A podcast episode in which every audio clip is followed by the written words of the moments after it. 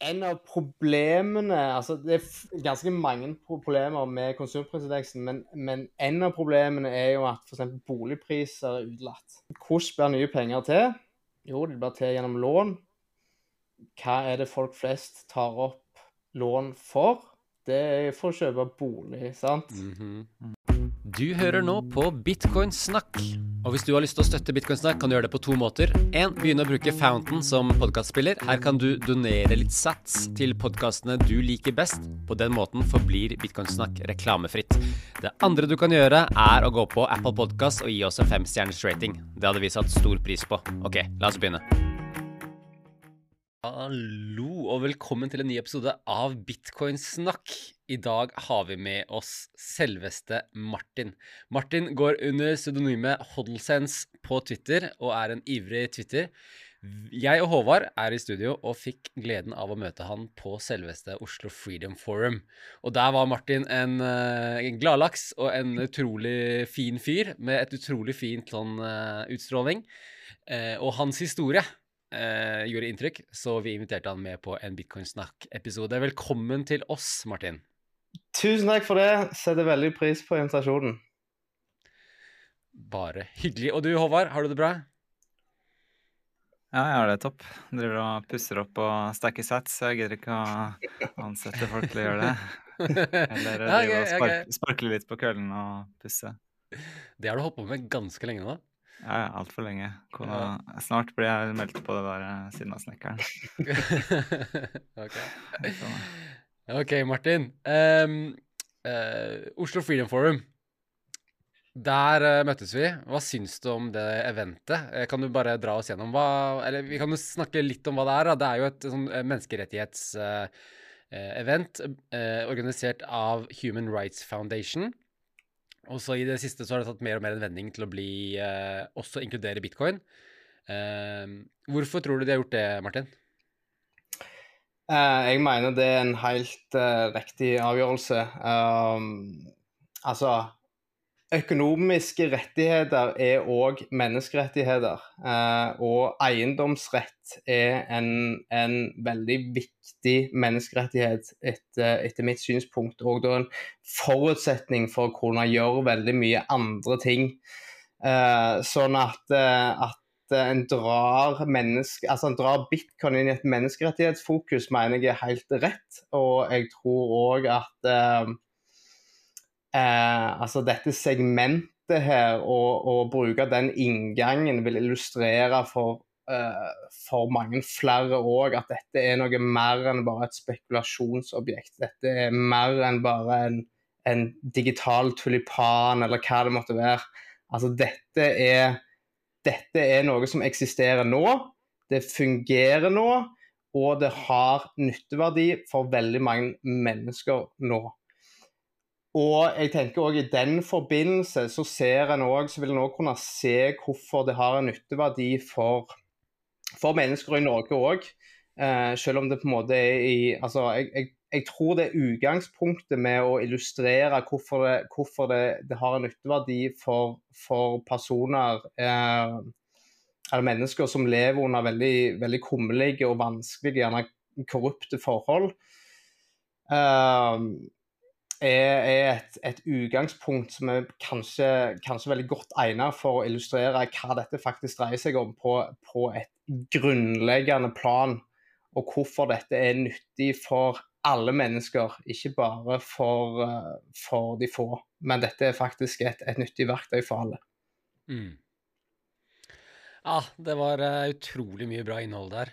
Og eh, det var, det var, nå har han Alex Gladstein, en av disse som er med å, å sette dette i stand. Han har lagt ut en tråd med, liksom, med oppsummering, Han en ett minutts Mhm. oppsummering av, eh, av alt det bra som skjedde der. Og det er, det er bare så uslåelig godt, da. Og én ting jeg beit meg merke i, det var en som het eh, Jaraslo Likoskwiski fra Hviterussland, som, som jobba for liksom, demokratiutvikling. Og han sa det at eh, siden 2020 så har ting bare blitt ekstremt mye verre etter pandemien, og de merker at alle transaksjoner de gjør i banken, blir overvåka. Mm. Og da er bitcoin bare noe som funker. Og han Mm. har ingen filosofi rundt bitcoin. eh, Ikke noe politikk rundt bitcoin. Det, bare, det bare funker. Mm. Og det syns jeg var så utrolig, utrolig fint, da. Ja. Ja, 100% altså, Den gjør den jobben den skal gjøre, og det, den er ikke diskriminerende. Altså, det, det er et pengesystem som alle kan benytte seg av. Eh, og, og så kan jeg jo tenke at, at eh, ja, det, en kan òg benytte seg altså òg våre fiender. altså på en måte Russland kan bruke dette til, til å omgå transaksjoner. Det er jo gjerne, gjerne det fokuset folk gjerne tar da. Eh, men det er jo kanskje mer unntakene, da. fordi at eh, det, er, det er en ekstremt stor andel av verdens befolkning som lever under autoritære styrer. Alex, Alex Gladstein opererer vel selv med et tall på sånn 4,3 milliarder mennesker. Altså over halvparten av verdens befolkning. Av de igjen så er det kanskje 1,6 milliarder mennesker som lever under to- og tresifra prosents inflasjon. Eh, og og eh, i hvert fall over 1 milliard mennesker som ikke har bankforbindelser. Sånn at, eh, sånn at dette her på, på et dypere nivå, da, eh, når en hører om, om folk som, som om lever under betydelig inflasjon, altså nå snakker vi kanskje Venezuela, eh, det var jo ett eksempel som ble dratt fram der en, en snakker om, om, flere tusen prosents inflasjon. sant? Altså en helt sånn, en, en, valuta som du ikke kan bruke i det hele tatt.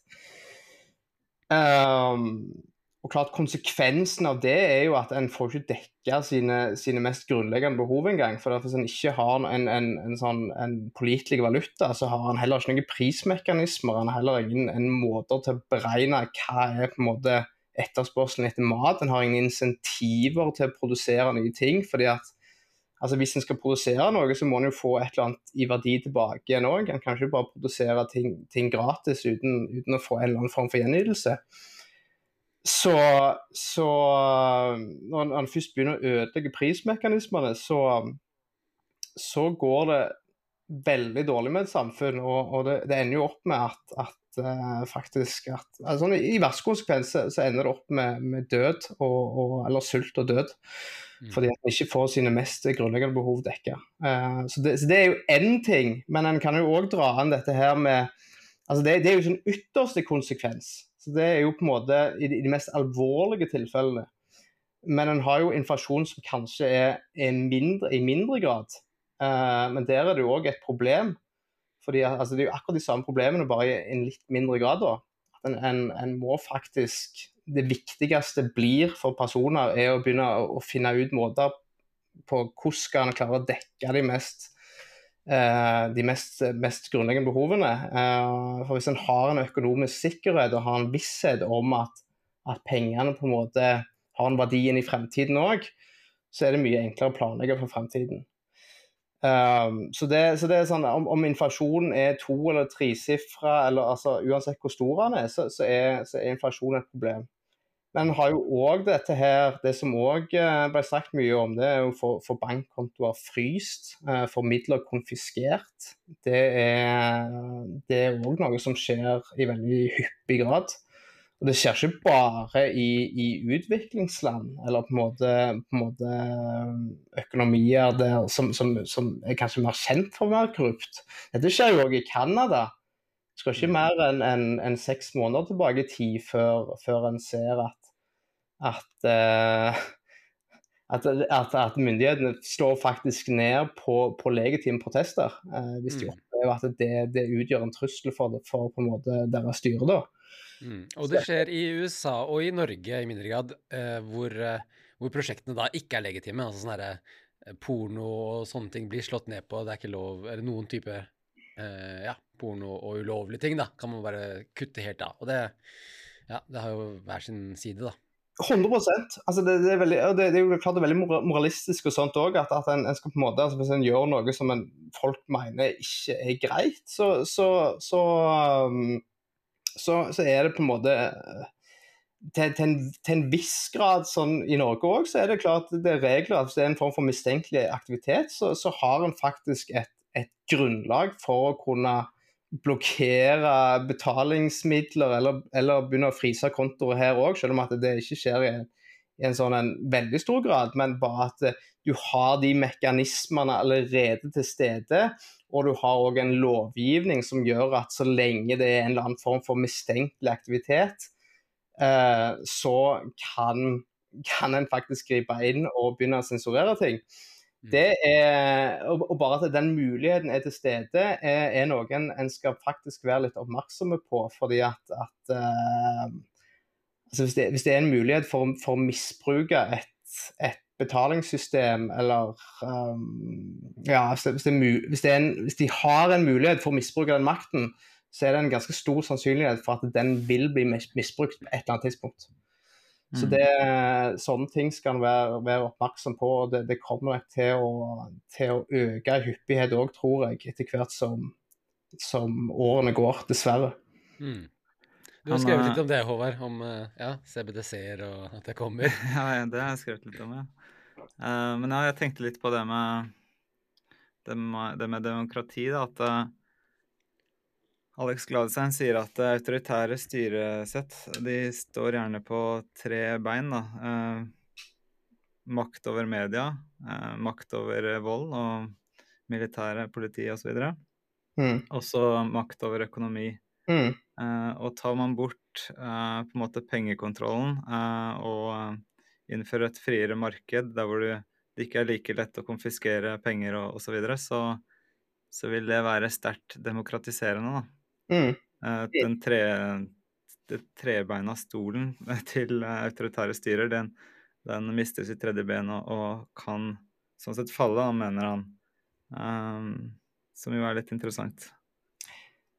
Eh, ikke uenig i det. altså Har du kontroll, altså har du en pengemakt eh, og kan styre, styre den, har du et monopol på utstillelsen av nye penger, så har du òg i stor grad kontroll på befolkningen. Eller du har i hvert fall du har en betydelig innflytelse på, på hva, hva på en måte uh, Ja, altså du, du har Du, du kan uh, altså, så Hvis folk frykter at de kan få midlene sine konfiskert, eller at, at, uh, at, at ytringer kan kont være kontroversielle, da, så er det jo helt åpenbart at flere vil være skeptiske til å gjerne ytre seg kritisk, eh, eller ytre seg fritt. Så at dette Mm. henger sammen med, med andre ting òg, som bl.a.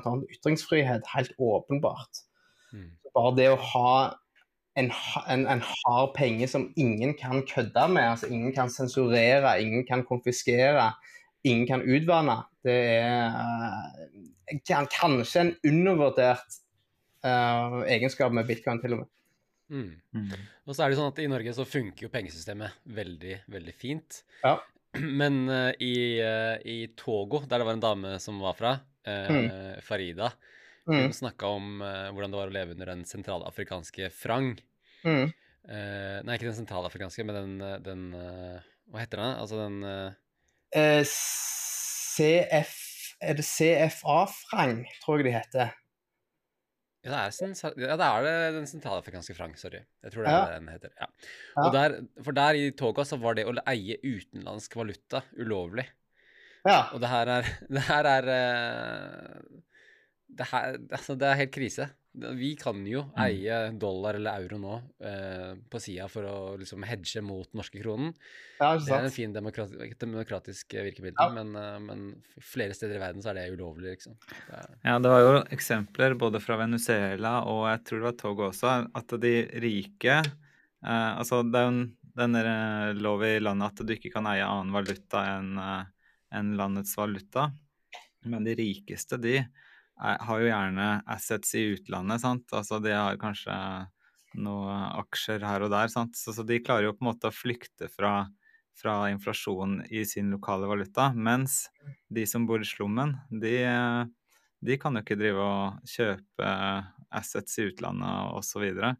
mm. så de er jo tvunget til å leve under inflasjon. Så uh, det ble jo fortalt historier. Det forsterker ulikheter noe ekstremt, fordi når du har likvide midler og er rik i et land med høy inflasjon, så kan du bare kjøpe opp det ene etter det andre. Absolutt. Sånn at de, de som bodde i, bor i slummen, hadde jo sett lønningene sine gå opp to og tre ganger.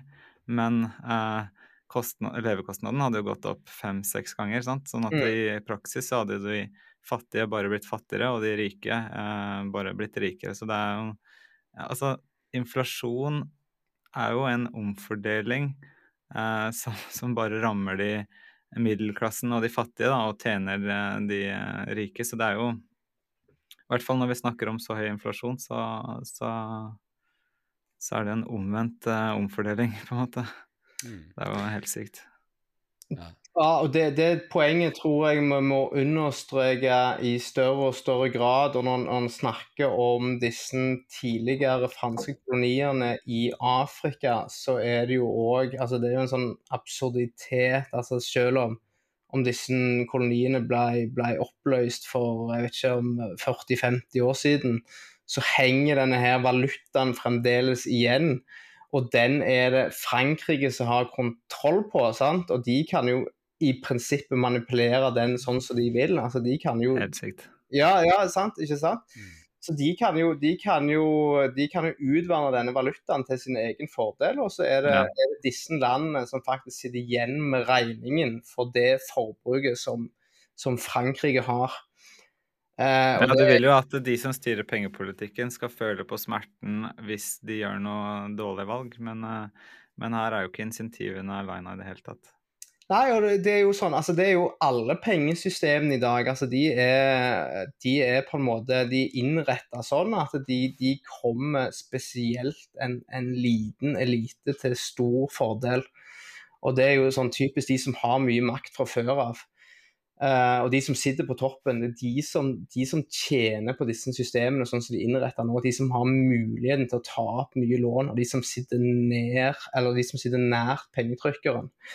Eh, og det er på en måte altså, det, det er veldig rart òg at, at det er på en måte noe vi bare har godtatt sånn i Vesten òg. fordi at så, så, så lenge inflasjonen ikke er veldig stor, så er det sånn ja ja.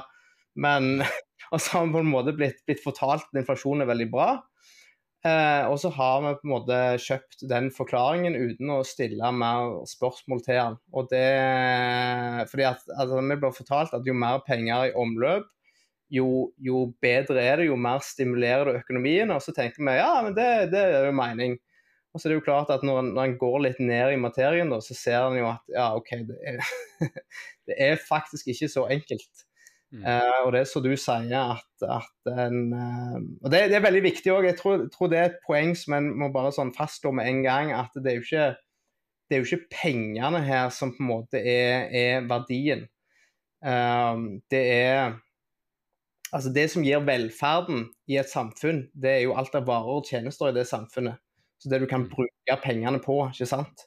Mm. Altså en, Et samfunn blir ikke rikere av å trykke opp mer penger. Og det er en sånn feilslutning som veldig mange personer gjør. Og det, det er vel et sånn, sånn eksempel som Seyfedin bruker i The Fiat Standard. Altså at altså, en har en fotballstadion, da, og du trykker opp mer billetter til den fotballstadion, så, så får du ikke større kapasitet på den stadion. en gjør det bare En trykker bare mer billetter og gjør det veldig trangere på den fotballstadion, men, men du gjør ikke noe du, Det skjer ikke noe underliggende med den stadion. Og det samme er penger òg. Altså, du får ikke mer verdier av å trykke opp mer penger. Mm. Og det, det tenker jeg er Og klart, når du først trykker opp mer penger, da, så er det, så er det en måte på på å forflytte verdier fra ei hånd til en annen. Altså Du forflytter kjøpekraften fra noen til noen andre. Så det er på en måte i sin basis. Men da kommer vi inn på noe som jeg syns er litt interessant, og det er dette her med hvordan fikser bitcoin dette? Ehm, det er selvfølgelig det er 21 millioner max cap, men eh, hva tenker du, Martin? Hva, hvordan fikser bitcoin dette med omfordeling? Eh, Det er som du sier, at eh, her har du en mekanisme som i utgangspunktet gjør at du ikke kan trykke noe mer. Eh, 21 millioner er 21 millioner uansett. Eh, det er en fastsatt pengemengde. Eh, grunnen til dette fungerer òg. Altså det, det er litt sånn Det, det er òg eh, er nok en, en sånn viktig, viktig ting å få med seg. At det, det er ikke mengden her som, som, er, som er viktige, det er jo hvor mye en kan dele det opp. Det er det som er et poeng her. Så lenge en kan dele det opp i mindre enheter, så vil det fungere òg som, som penger. Um, um, og det, det, det som er òg viktig, er jo at, at, når en kjøper bitcoin, så, så, får han på en måte de altså Hvis en tar de i, i, i um, cold storage, altså hvis en tar eierskap til de sjøl, så har han òg forsikring om at der en har kjøpt ifra, at det er ikke bare en, et løfte om at du har en bitcoin, det er noe du faktisk eier sjøl òg. Eh, og det er jo det som er problemet. Problemet med dagens penger er jo at basically alt av penger er gjeld. Så, så og, din, og, og, hvis en tar opp nye lån, så, så lager en òg nye penger ut av ingenting. Uh, så forskjellen med bitcoin er jo faktisk at dette er ikke noe, dette er ikke noe løfter uh, som, kan på en måte, som på en måte skal innløses på et eller annet tidspunkt. Dette er faktisk verdien i seg selv. Uh, og dette er ikke noe som en kan dette er, dette, er, noe som er Dette er noe som er sikra. Du kan ikke utvanne det mer enn en 21 millioner. Det, det er fastsatt. Uh, så klart at en, en, ikke kan tukle med det, eh, det er, det er en veldig viktig forutsetning for at uh, For at bitcoin skal, skal, på en måte blomstre opp og, og fungere som det skal òg, tenker jeg. Fordi at penger må være vanskelig å, å produsere mer av. Hvis penger er enkle å produsere mer av, så vil de på en måte av natur produseres i det uendelige. Og Det er jo det en ser med de pengene nå, at de er veldig enkle å skape mer av. Mm. Uh, og, og, når de er enkle å skape mer av, så, det, så ligger det på en måte i sakens natur. Ja, da, da vil det produseres mer og mer. Og, og det, et problem med det òg er at, at, folk vil heller søke seg etter pengene i seg sjøl, uh, eh, istedenfor å produsere ting av verdier. Så Det er jo litt av insentivstrukturen her, at hvis pengene er veldig enkle å produsere mer av, så vil folk prøve å finne måter der de kan få tak i pengene, istedenfor faktisk å produsere ting som har en verdi som kan være bytte mot pengene. Mm. Så, så, det har enormt store konsekvenser eh, hvis pengene er, er, veldig enkle å produsere. Og det, det er òg en ting som en, en tenker en, en må sette et, et, større fokus på i, i tida som kommer.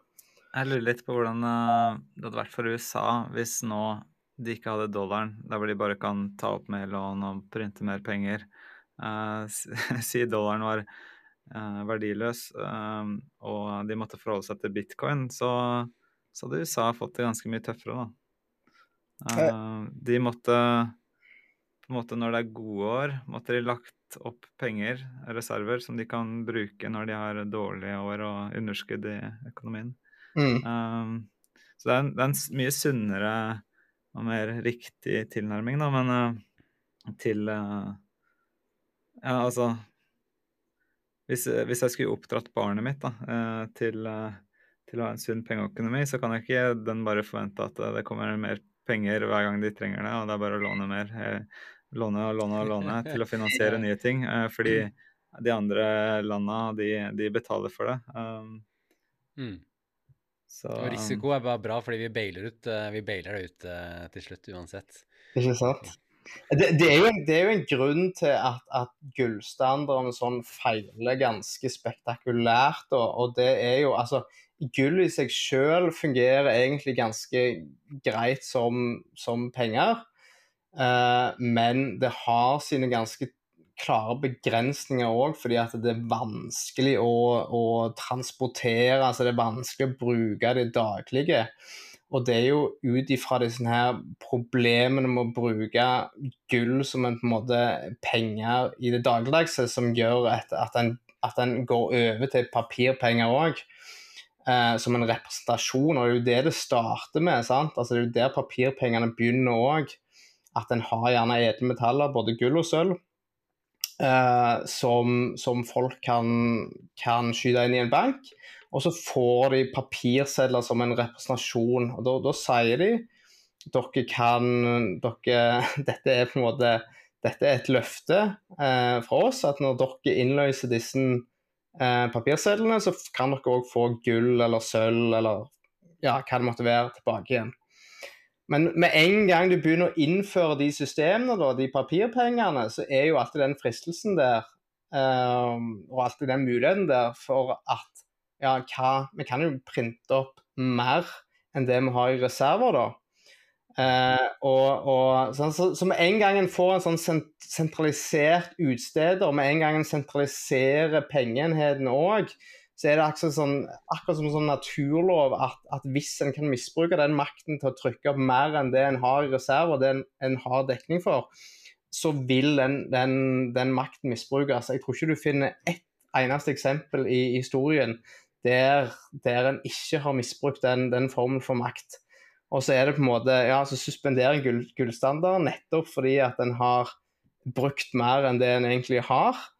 Um, og så går han bare over til, til, en valuta nå som på en måte er bare flytende. og som, som Den eneste grunnen til at det har en verdi, er fordi at enkelte land sier at det har en verdi, og at det, at det, er et juridisk grunnlag. Og det er bygd opp en sosial aksept rundt at det har en verdi. Men utenom det, så, så, er det på en måte så er det worthless. Men, men alle de institusjonene og alle denne her, denne her oppbyggingen gjør at, at, vi har en tiltro fremdeles at disse tingene har en verdi. Selv om, selv om du kan stille veldig grunnleggende spørsmål til om de, de faktisk har en verdi. Mm, absolutt. Eh, bare for å runde av dette her med Oslo Freedom Forum, som er et uh, arrangement som eh, vi alle skal på neste år, uh, 100 sikkert. Eh, fordi det var ja, den beste konferansen jeg har vært på i mitt liv. Eh, men, men, det som gjorde det også så bra, var å møte eh, andre bitcoinere. Eh, jeg ble overraska for hvor, eh, hvor, skikkelige, flinke, hyggelige mennesker det var. Ja. Eh, masse folk med liksom, mastergrad fra Handelshøyskolen i Bergen og det ene og det andre. hvordan var det for deg, Håvard? Jo, det var, det var drittfett. De var så belest, hele gjengen. Altså, du vet at denne gjengen her har brukt liksom hundrevis av timer med podkast på øret og lest uh, bøker opp og ned, så det er jo gøy, da, når du bare når du kan åpne kjeften om inflasjon, og, og de fullfører setningene for deg, på en måte. Sånn at det er ikke hverdagen man snakker med folk som er så, så oppegående på, på tematikken, da, og har satt seg så inn i det. Ofte så er det jo mye man gjerne må prøve å forklare, og så er det litt vanskeligere å snakke om de tinga når, eh, når, eh, når det ikke er likesinna. Så ja, mm. veldig kult. Hvordan var det for deg, Martin? Nei, Jeg er helt enig. Eh, og Det er ikke noe overraskelse for meg at dette er, dette er høyt utdanna, veldig smarte, veldig oppegående folk fra på en måte alle samfunnslag. da eh, som samles. Eh, det har vært min oppfatning hele veien av, av folk som er engasjert i bitcoin. At dette, og det, det, det er kanskje noe òg en, en, i større grad må, må, må vise til folk da, at dette, dette, er faktisk noe vi, vi, har tenkt ganske nøye gjennom. Det er, ikke, det er ikke noe sånn Vi snakker veldig lite om pris. Det er ikke det at pris er mm. fullstendig uviktig, men det er ikke, det, det er ikke noe vi gjør for å bli, bli rike i en fei. Dette er ikke noe spekulasjonsgreier for oss. Dette er, dette er noen av de mest altså, dette, dette handler om de mest grunn, grunnleggende, mest, ja, de mest basale tingene som, eh, som er nødvendige for hele tatt kunne, ha, kunne leve gode liv og kunne ha funksjonelle samfunn.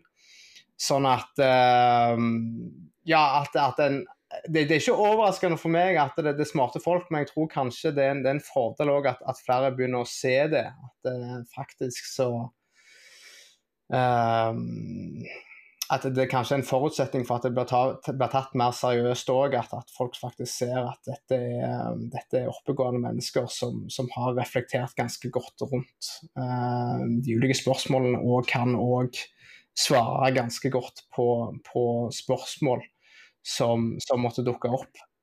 Um, så Nei, nei, jeg, jeg syns det var kjempebra. Jeg, eh, jeg, ehm, hver gang jeg Og det, det, er en grunn til at vi har mye meetups i Stavanger og sånn òg. Og det, det, er nettopp fordi at, at, du er nesten garantert å få gode samtaler, og ganske dype samtaler òg, um, som, som en vil lære av.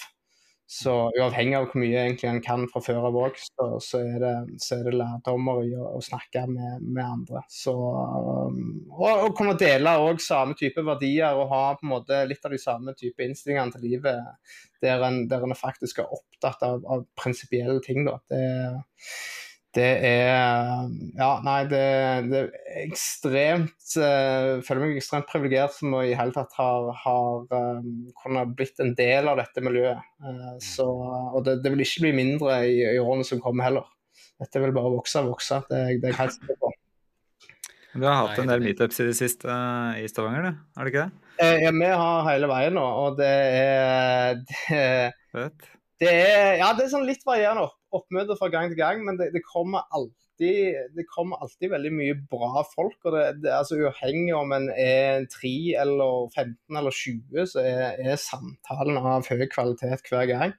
Og så er det jo ulikt kunnskapsnivå selvfølgelig på de som kommer, men, men det, tenker jeg er, det tenker jeg bare er en positiv ting. Og det at en, en faktisk må Uh, må raffinere argumentene sine og um, tenke gjennom spørsmål og uh, finne de beste Ja, lage de beste argumentene og finne de beste svarene på ting. Det er jo det en gjør i fellesskap og gjennom gode samtaler med andre. Så ja, nei, det skal vi bare fortsette med. Så det, det, det oppfordrer jeg jo alle andre òg til å gjøre. At uh, hvis, du ikke, hvis, du ikke, er i Stavanger, hvis du er en annen plass, så, så lag en meetup og få litt gang på det. Så det, ja. så det bra. Nå arrangerer jeg mitt um, første meetup nå på mandag. Ja, ja, ja. Det, det blir gøy. Det var bra. Er det mange påmeldte? Det er vel en sånn 15 stykk nå. Uh, kanskje vi blir en 20. Ah, faen, nå... Du har vel ikke gått så hardt ut uh, offentlig, har du det? Nei, nei, jeg har ikke det. Prøver å starte litt rolig, så kan vi vel se. Ja, for Du har bare lagt i de der eh, bitcoin-gruppene som jeg er en del av på Twitter. Jeg har ikke sett det åpent. Nei, men uh, ja, hvis noen hører på innen da, så gjerne meld dere på, så ses vi. Ja, Hvordan skal de få vite Hvor, hvor, skal, de, hvor skal, de, få linken fra, liksom? Jeg tror de kan søke det opp på Eventbrite, men uh, ja. ja. Jeg da, kan, uh, ja. Vi kan, vi kan, poste en eh, link i tråden under, eh, under Twitter-annonsering av denne podkasten hvis, ja, hvis vi gjør litt i det. Men Martin, du er i en interessant livssituasjon. Hva ja. jobber du med om dagen? Jeg jobber kun med bitcoin. Uh, og det, det er igjen, jeg kunne nok ikke gjort det uten bitcoin, men når en, når en Det er jo det som er litt artig òg, at, at, når en har holdt på med dette en stund, og når en har spart med dette, så har en òg en, en, tiltro til at dette er, faktisk, dette er faktisk noe som vil holde verdiene på tid. Eh, eller i lengre tid, og, og, til og med så kan, kan, det til og med øke i verdi over tid, istedenfor for å holde det i holde sparepengene i norske kroner som bare, bare taper seg mer og mer. Sånn at eh, jeg, jeg, har vært i en posisjon der jeg, eh, jeg har sagt opp jobben. Jeg jobbet hos eh, Statsforvalteren i Rogaland eh, i flere år. Eh, og fant ut at eh, det, den jobben der ga meg mindre og mindre mening. Eh, i livet. Og eh, klart, med økende kunnskap om bitcoin og um, å, kunne se alle de positive tingene det gjør, uh, og alle de, de, mulighetene som ligger der, og som allerede nå hjelper, hjelper folk i, i veldig vanskelige situasjoner, så um, så um, var det et ganske, egentlig ganske enkelt valg å faktisk jobbe med det som jeg kanskje mener er det viktigste en, en kan jobbe med nå, uh, som er bitcoin. Uh, som, gir, som, gir, et verktøy for folk som et, en genuin mulighet, eller et sånn glimt av håp til, til, å komme seg ut av vanskelige situasjoner. Um, ja, og kunne øke bevisstheten rundt det. Så det, det jeg gjør nå, det jeg, jeg skriver ei bok mm. om bitcoin.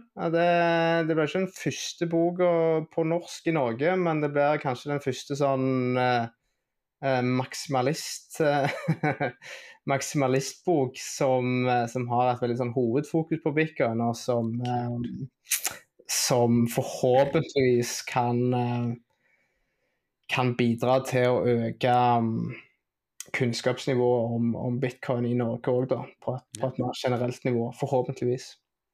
Eh, bokmål, nynorsk, eh, tittel og uh, undertittel? Eh, bokmål, tittel uvisst. Ta imot forslag eh, med takk. Undertittel uvisst.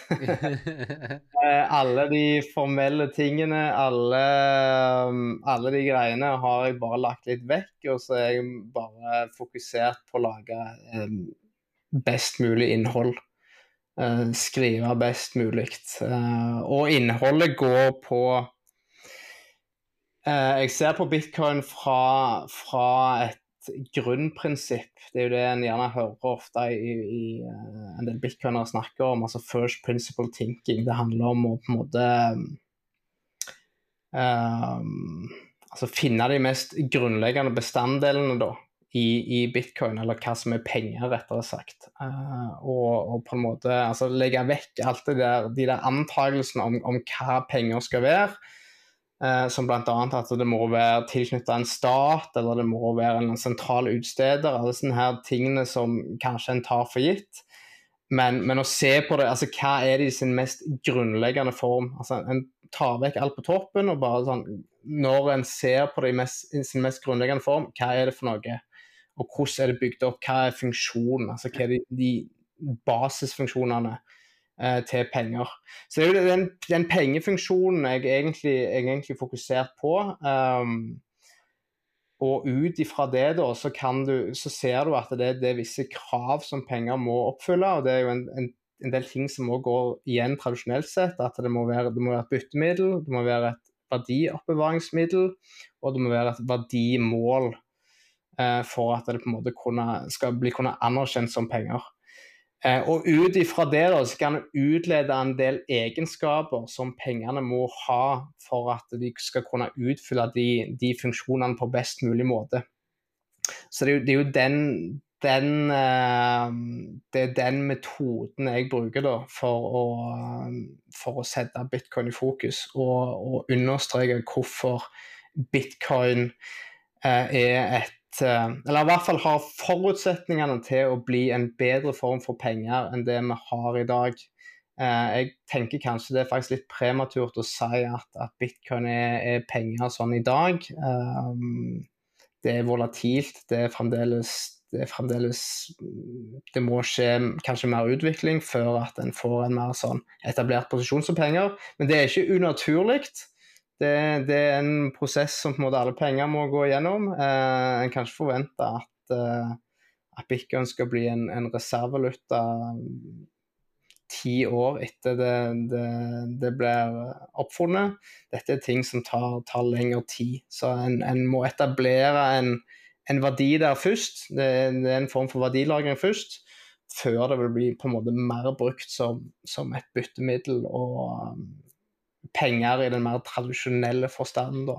Så det, det å se litt på de mekanismene der og på en måte forklare de på en måte som òg kan, kan, møte en del av kritikken eh, mot bitcoin. For det, det, er jo en sånn en ting en hører ganske ofte, at dette er ikke egnet som penger. Og det, det er kanskje tilbøyelig til, til, å være enig i på nåværende tidspunkt, men, men det er ikke forventa. En, en, skal ikke forvente at noe som er helt nytt, blir bare penger på veldig kort tid.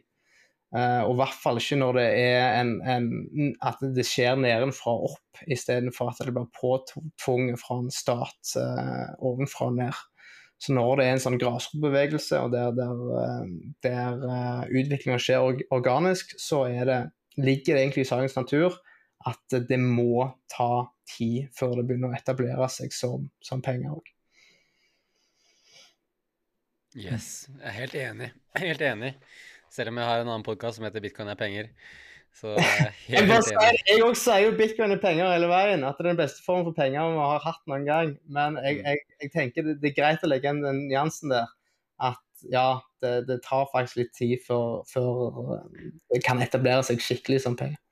Men hva er verst, på en måte, å leve i, med inflasjon på 10 der hvor uh, sparepengene dine er halvert på åtte år, eller leve med bitcoin der hvor eh, prisen dumper 30% på ett år, men eh, går 30% opp igjen Ja, ikke sant? Eh, skal vi ta den inflasjonen, skal vi bare ta den greia der? For vi ble jo fortalt at inflasjonen er 3-4 sant? Mm. Eh, Vi tar den. Vi tar den. Ja, vi tar den. sant? Altså, Det er konsumprisindeksen. Ja, nå skal dere høre. Eller Mm. altså, hvis en hører økonomer snakke, så bruker de kanskje kjerneinflasjonen igjen, som er enda lavere. Den er 2,1% Så de sier inflasjonen er jo bare 2% Ja, fordi da mener de selve pengetrykkinga, eller? Eh, Nei, da mener, da mener de kjerneinflasjonen, og den, den, ut, den, den, den har jo utelatt ganske mange faktorer. Altså, du, har jo, du har jo konsumprisindeksen, eh, som er på en måte det offisielle målet på inflasjon. Eh, og der, er det jo, der har du jo en sånn, en sånn basket av varer da, eh, som inneholder eh, som, som, som baserer seg på forskjellige ting. En av problemene altså Det er ganske mange problemer med konsumprisindeksen, men, men en av problemene er jo at f.eks. boligpriser er utelatt. Um, og klart, hvordan, hvordan blir nye penger til? Jo, det blir til gjennom lån. Hva er det folk flest tar opp lån for? Det er for å kjøpe bolig, sant? Mhm. Så veldig mye av de nye pengene som kommer inn i økonomien, de går jo inn i bolig. Og f.eks. aksjemarkedet òg. Det er heller ikke med i konsumprisindeksen. Så når du begynner å ut... Altså når, du- når, du, tar vekk da uh, ulike former for ting som blir, blir åpenbart uh, Som det åpenbart brukes Altså så mye av de nye pengene blir brukt på, hvis du tar ut de fra på en måte beregningen, så det er åpenbart òg at, eh, at uh, den ikke vil gi et veldig godt bilde da, av hva som er den reelle inflasjonen. Og så Ja, er det jo òg sånn eh, Fiat-tilhengerne sier vel at, uh, at uh, boligprisene er prisa inn i form av leiekostnader, da, eller leiepris, da. ja. Men jeg kan ikke si at det stemmer helt. Nei, jeg er nok litt eh, skeptisk til den Mhm. tanken. Men, men det er klart at eh, men, det, men det er jo det som på en måte Det er den nye definisjonen av inflasjon, og det er at den skal være basert på hva, hva konsumprisindeksen måler. Jeg mener jo det er mye mer presist å måle hva, hva blir pengemengden utvidet med. Ikke det at heller det er et nøyaktig inflasjonsmål, Eh, men det som pengemengden i hvert fall viser, da, det er at altså, hvis en utvider pengene med så og så mange prosent, eh, så er det jo sånn òg at, at da er det så og så mange prosent flere penger i omløp, som da jakter de samme varene og tjenestene som før, basically. Mm. Altså, en konsekvens av at en utvider pengemengden, er jo da at, at, eh, at de fleste prisene da òg vil eh, øke, vanligvis. Mm. Mm. Eh, men så er det jo sånn, dette, dette er jo kompliserte greier, for du har jo nå en, en krigssituasjon som gjør at prisene øker. Eh, men det er jo mer pga. at det påvirker tilbud og etterspørselen etter varer. Um, så det er klart at hvis en har en krigssituasjon der på en måte en, en, um, en ødelegger tilbud, eller på en måte en, en, en reduserer tilbudet til matvarer eller energi, eller hva det måtte, måtte være, så vil jo det gi òg høyere priser.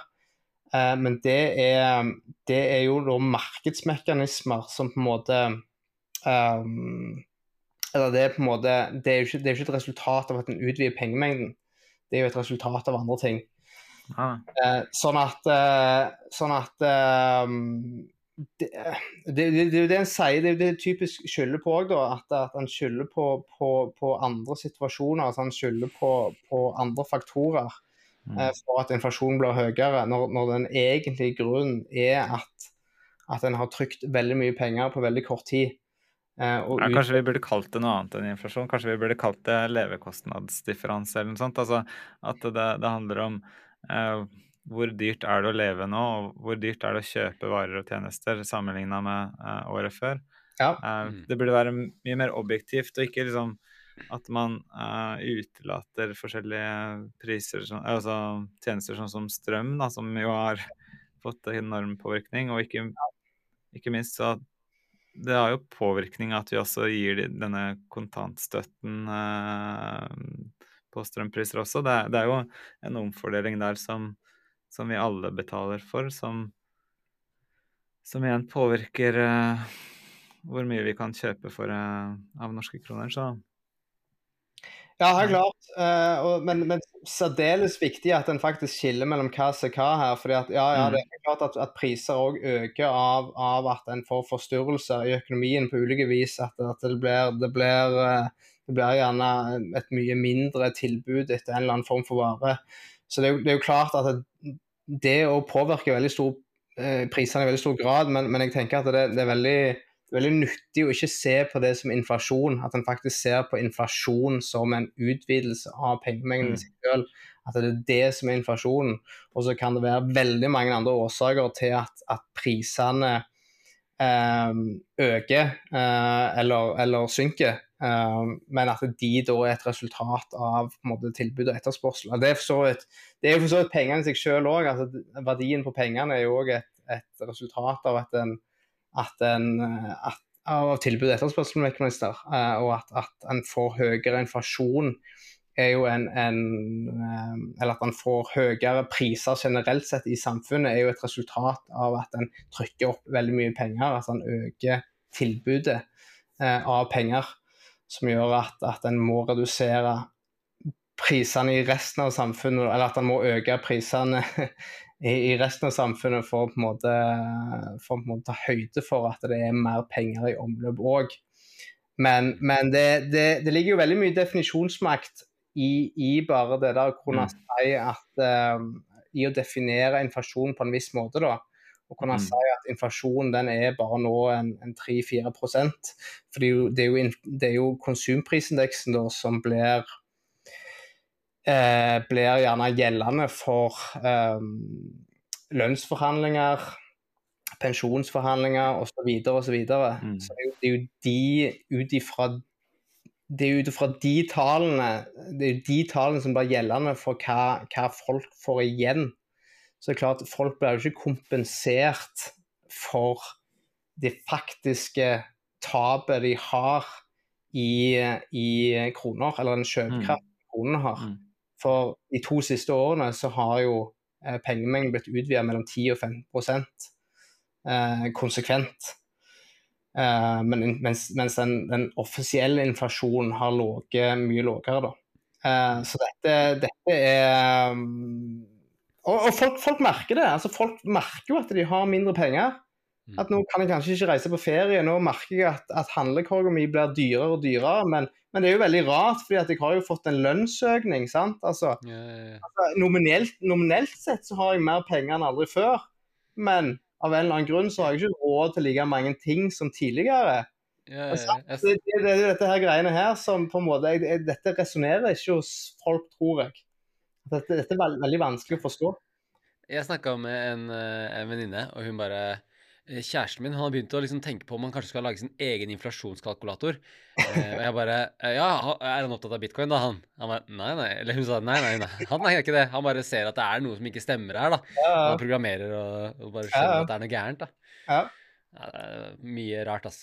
Men, eh, men denne boka eh, hvem er målgruppa? Er det no-coiners, eller er det miljøet, eller er det alle? Ja, si Ja, det, jeg, jeg ville jo lage en sånn introduksjonsbok som på en måte skulle være en intro, enkel måte å, å um, forstå bitcoin på. Også, og så etter hvert som han skriver, og etter hvert som han får nye innblikk i ting, så ser han oi, dette har jeg jo litt, litt lyst til å skrive om, ikke sant? Og så blir dette egentlig kanskje litt mer avansert enn det en i utgangspunktet hadde tenkt. Så det, det som er nå, altså det er, det er fremdeles en introduksjon i hva på en måte penger er, og hva pengenes funksjon er. Eh, men jeg vet ikke om den blir gjerne så lettlest som jeg opprinnelig hadde tenkt.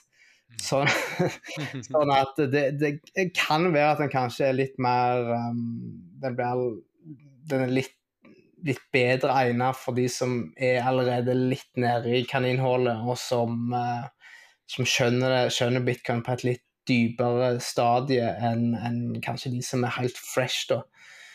Um, men, men jeg tenkte det, det var faktisk jeg, jeg, jeg, tror det var en nødvendig greie for, for min egen del å faktisk kunne um, For det er jo noe, noe Når du faktisk skriver, så må du reflektere en del over ting òg. Og en må tenke over hva Altså Gir det mening, det som jeg skriver nå? Eh, sånn at det, det, det, har vært en litt sånn prosess for meg sjøl òg å faktisk eh, faktisk skrive en bok som ikke, ikke, bare skal gi svar til andre, men også gir en del svar til meg sjøl. Mm. Så, så, det er jo det jeg tenker nå, at, at jeg skriver en bok som på en måte som, som jeg kan stå for inne, innenfor, og som gir mening for meg. Men, men, jeg tenker at hvis jeg gjør det på rett måte og jeg får gode tilbakemeldinger, og jeg, jeg tenker nok gjennom hvordan jeg formulerer ting, så, så håper jeg og tror jeg òg at det vil resonnere for, for veldig mange andre òg men det er kanskje ikke så basic som jeg opprinnelig hadde tenkt. at Det er kanskje et liten nivå opp fra det. Det høres ut som en eh, bra bok, altså. ja, vi får se. Vi får se. Det, det, er på en måte det økonomiske perspektivet da, som uh, den i hovedsak handler om, uh, er det sånn å forstå? Eller tar du også med litt sånn uh, teknologiske ting? Altså, Bit, det som er litt morsomt med bitcoin, er jo hvordan den på en måte klarer å appellere til så mange forskjellige interessegrupper. Da. Altså, kryptografen syns jeg er spennende. Uh, bankmannen, matematikeren mm. Altså, ja. Det kan appellere på så mange måter. Også, også de som bare kjenner inflasjon på kroppen i dag, kanskje savner noe bedre. Ja, Uh, nei, jeg er jo filosofen, og jeg, uh, det er de, de bitcoin som penger. Det er det som har appellert til meg, og det er der, det der use casen er. Og det er, der, det er der jeg ser at dette har en Dette har en um, Altså dette har egenskaper som er, som er mye bedre enn en, en noe annet en har sett før. Så, så det, de, de, altså det er de basic tingene som altså de funksjonene Bitcoin fungerer som penger, som, som, er, som, er, mitt formål. Jeg er ikke så god på de tekniske tingene. Det må jeg bare innrømme. Og det, det har jo ikke noe med at de tekniske tingene ikke er viktige.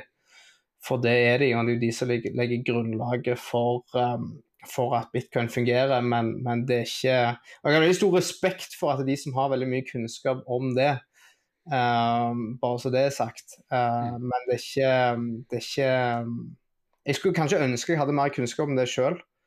Uh, mm. eh, så det er kanskje en mer sånn tiltro til at jeg, jeg har respekt for de som, som, ser at dette fungerer, og kan fortelle meg at dette fungerer.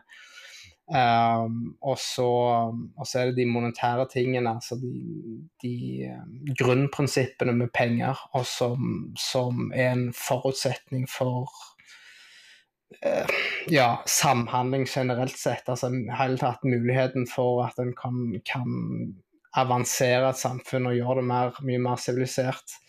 Um, hva det innebærer i sin grunnleggende form. Det er det som, det er det som har tiltrukket meg, og det er det som er Ja, det er det som er fokuset mitt. da. Konge. Konge. Du, vi må runde av. Et uh, siste spørsmål. Uh, ja. How is your trading going? Ja, nei, jeg trader ikke bitcoin. Det er sier the boring stuff. Det, det, bitcoin is saving. Jeg ser på det som uh, penger, som noe du skal spare i. Du skal ikke trade i dette. Eh, jeg forstår veldig godt at folk gjør det. Det tiltrekker seg definitivt mye spekulasjon, som en òg ser i priser. Um, og det må det er folk bare velkommen til å gjøre. Uh, men bitcoin er til sparing, og det er det, det, er det jeg bruker det til. Så, jeg må også spørre én ting før han stikker. Jeg liker ja. å smette inn noen uh, siste spørsmål, jeg også. Uh, når solgte du shitcoinsene dine? uh, putting me on the spot. Uh, jeg hadde shitcoins i 2017. Um, og jeg solgte de i 2017, uh, eh, og jeg har aldri sett meg tilbake. Jeg har aldri tradet noen shitcoins etter det, og det lever jeg veldig godt med. Og veld, veldig opptatt av la oss, la oss lage et tydelig skille mellom bitcoin og krypto. Det er ikke den samme greia. Mm. Uh, og det må alle forstå òg, uh, fordi at krypto det, um, det bidrar til å gi òg bitcoin et dårlig navn. Så vi må kan jeg bare Ja. få deg ta den her? For hvis noen spør deg ja eller nei, du får ikke lov til å svare mer utfyllende enn det. Er du interessert i krypto? Nei. Men bitcoin er jo en krypto. Ja, i, i sin enkleste forstand så er det det. Uh, men, men det ligger jo her i kryptovaluta. Ja, så kan du si at bitcoin er en, en form for kryptovaluta. Men da kan du jo si òg at alle de andre former, formene for kryptovaluta ikke er en valuta. Det var aldri meint at de skulle være penger. Eh, det, det er på en måte tekniske duppeditter som en Altså, en har lagd en hype rundt en eller annen sånn spesiell løsning, og så og så trykker han opp sine egne penger for å på en måte selge til andre. At, det, at dette, er på en måte, dette er et overlegent produkt. Altså buy our coin. Men, men det, gir jo, det gir jo ingen mening. Altså, sånn, jeg også kan jo si at jeg kan lage en valuta med en eller annen form for ja, raskere transaksjon, eller hva det må være. Uh, men, men altså, ja, kjøp, kjøp min mynt. Men det betyr jo ikke at at det på en måte blir penger av den saks skyld. Så det, det er bitcoin som er penger. uh, det er bitcoin som har egenskapene som skal til for penger. Alt det andre det er en uh, waste of time. Uh, veldig mye av det er en scam. Noe av det har nok gode intensjoner, men uh, som en, en god regel, eh, bare hold deg unna alt annet. Det, det ja, det, det, det, er ikke verdt, det er ikke verdt verken tida eller um, pengene eller noe helst. Ble du inne med noe mer, Håvard? Nei da. Nei, det var, det var bare Nei, superfint. All right. On that bombshell. Hva sa du? On that bombshell, On that Så- bombshell. on that bombshell, så Ja, da slutter vi. Tusen takk for at du kom. Skål, og ha en fin kveld videre. Du trenger ikke å forlate rommet bare fordi jeg stopper recordinga, men eh, for vi må si ha det ordentlig. Men eh, Ja, takk for nå.